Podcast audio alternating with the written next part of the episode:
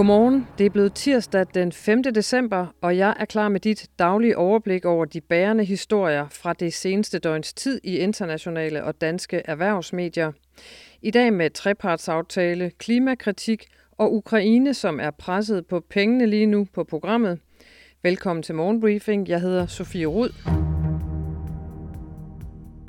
Vi lægger ud med den helt store danske historie det seneste døgn, nemlig at regeringen, arbejdsgiver og lønmodtagere efter tre måneders forhandlinger fik landet den såkaldte trepartsaftale. Blandt andet sygeplejersker og fængselsbetjente kan se frem til et ekstraordinært lønløft på 6,77 milliarder kroner i 2026, altså fire år tidligere end regeringen oprindeligt havde lagt op til. Men siden 1980'erne har noget, der hedder reguleringsordningen, været et bærende princip herhjemme. Ordningen sikrer, at lønnen i det private og offentlige følges ad, og at det offentlige ikke bliver lønførende, fordi det vil være med til at presse lønningerne op i det private til skade for konkurrenceevnen. Derfor har de private arbejdsgivere været særdeles kritiske over for regeringens planer om at give udvalgte grupper af offentligt ansatte et ekstraordinært lønløft, som ligger uden for reguleringsordningen. Og den kritik gælder stadig. Viceadministrerende direktør i Dansk Industri, Kim Gravgaard hedder han, siger til børsen, Aftalen betyder selvfølgelig her og nu, at nogen vil blive lønførende, og derfor er det så vigtigt, at der trods alt er kommet nogle gode elementer med, hvor lønløftet bliver brugt på at få flere fra deltid til fuldtid, siger han. Der er masser af andre vinkler på den nye aftale hos børsen i dag. Der er mere kritik af regeringen i dette nyhedsdøgn, for Danfoss topchef, han hedder Kim Fausing, angriber regeringen for en nøle, når det handler om klimaområdet, det skriver børsen bæredygtig. Fausing har forsøgt at skubbe til danske politikere på klimaområdet i overvis. I dag er tålmodigheden sluppet op, og Danfoss topchefen kalder dansk klimapolitik for, citat, et bevidst valg om ikke at nå vores klimamål. Fausing mener ikke, at nogen i dag kan argumentere for, at Danmark når sit klimamål. Han siger til børsen, den grønne omstilling har ikke det momentum, den burde have, og som den kunne have. Jeg synes, at den er gået i stå, og jeg kan ikke forstå, hvorfor.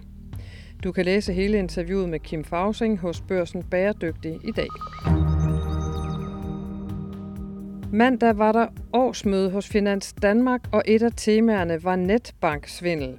Foran 450 fremmødte bankdirektører, politikere, embedsmænd og journalister advarede den afgående formand for Finans Danmark, Carsten Egeris, om kriminelles forsøg på at frarøve danskerne deres penge, mens de sidder trygt derhjemme i sofaen, det skriver Finans.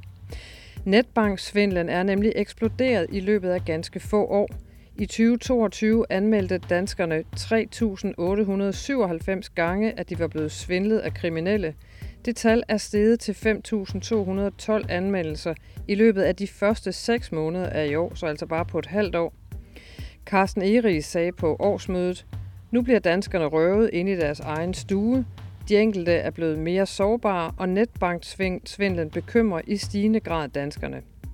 Vi vender tilbage til Finans Danmarks årsmøde om et øjeblik.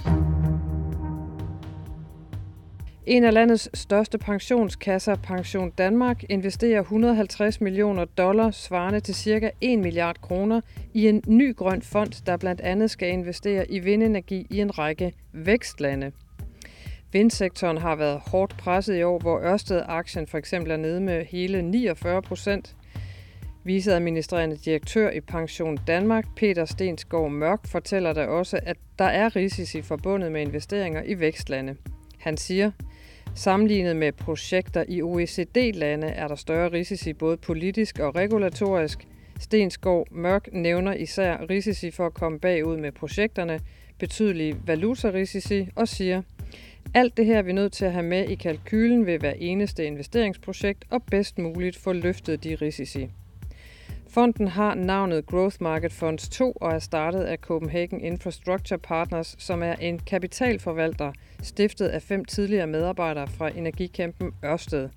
Fonden skal ifølge planen være på 20 milliarder kroner ifølge børsen. Og vi skal ud af landet, hvor der er gået politik i støtten til Ukraines forsvarskrig mod Rusland forstået på den måde, at 60 milliarder dollar fra USA og 50 milliarder euro fra EU til Ukraine er blokeret af, ind, af indrigspolitisk uenighed.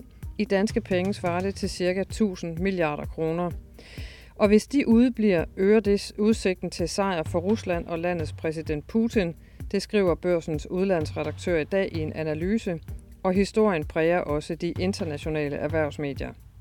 I Kiev er der dyb bekymring over, at de helt uundværlige mange penge i hjælp fra landets absolut to største sponsorer hastigt er ved at tørre ud. Der er kun 3-4 uger til, at pengene fra USA løber ud.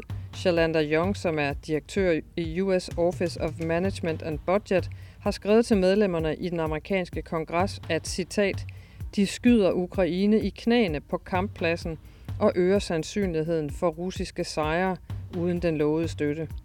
Læs hele analysen på borsen.dk. Ukraines ønske om at blive medlem af EU fik, også et grundskud mandag aften, hvor Ungarns premierminister Viktor Orbán i et brev til rådets formand Charles Michel krævede, at den debat bliver sat på pause, det skriver Bloomberg. Det var ellers forventet, at Ukraines mulige medlemskab af EU skulle diskuteres på næste uges EU-topmøde i Bruxelles. På samme tid forlanger Orbán også, at EU udsætter debatten om budgettet, altså støtten til Ukraine på de 50 milliarder euro, jeg nævnte lige før. Det er anden gang, at Orbán forsøger at presse Charles Michel til at genoverveje støtten til Ukraine. Samtidig kræver forhandlinger om nye medlemmer i EU enstemmig støtte fra alle 27 medlemslande, hvor Ungarn jo er et, som altså ikke støtter, at den proces kan gå i gang. Alt sammen ifølge Bloomberg. Vi skal til aktiemarkederne.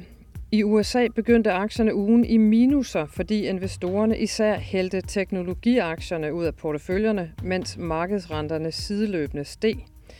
Begge dele lignede gevinsthjemtagning efter en meget stærk november, hvor obligationerne steg med 4,8 procent, mens aktierne vandt 8,9 procent og endda lagde lidt til fredag til det højeste niveau i 2023. S&P 500 smed på den baggrund en halv procent af værdien mandag, mens Nasdaq tabte en tot mere, nemlig 0,8 procent. Har hjemme begyndte ugen derimod med plusser. C25-indekset steg mandag med 0,31 procent. ISS stod for dagens største stigning i C25-indekset. Plus 3,53 procent blev det til på en dag, hvor selskabet ellers ikke var ude med nyheder. Du kan følge markederne hos Børsen Investor. Og så holdt bankernes lobbyister Finans Danmark deres årsmøde i går. Niels Lunde var med, og jeg har spurgt ham, hvad han tog med sig fra mødet. Det var et meget fredeligt årsmøde. Jeg vil næsten sige, at det var et kedeligt årsmøde.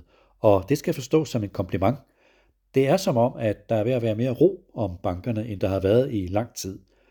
De opslidende sager om hvidvask og gældsinddrivelse er ved at være væk fra dagsordenen, også hos politikerne på Christiansborg – Bankerne er kommet fornuftigt igennem først coronakrisen og siden energikrisen uden beskyldninger om at svigte pressede kunder.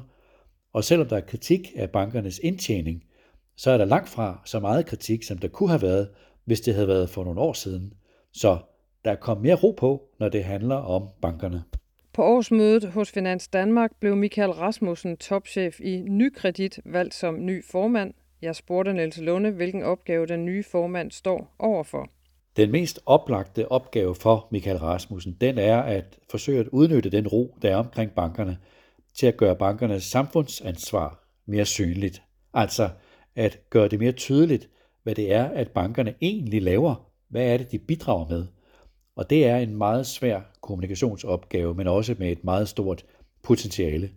Og det er tredje gang, at Michael Rasmussen bliver formand for Finans Danmark, og det er dermed hans tredje forsøg og man kan sige, at hvis bankerne skal lægge finanskrisen definitivt bag sig, hvis bankerne virkelig skal ud af den skygge, de har været i de sidste 15 år, så får de ikke et bedre udgangspunkt end det, de har nu.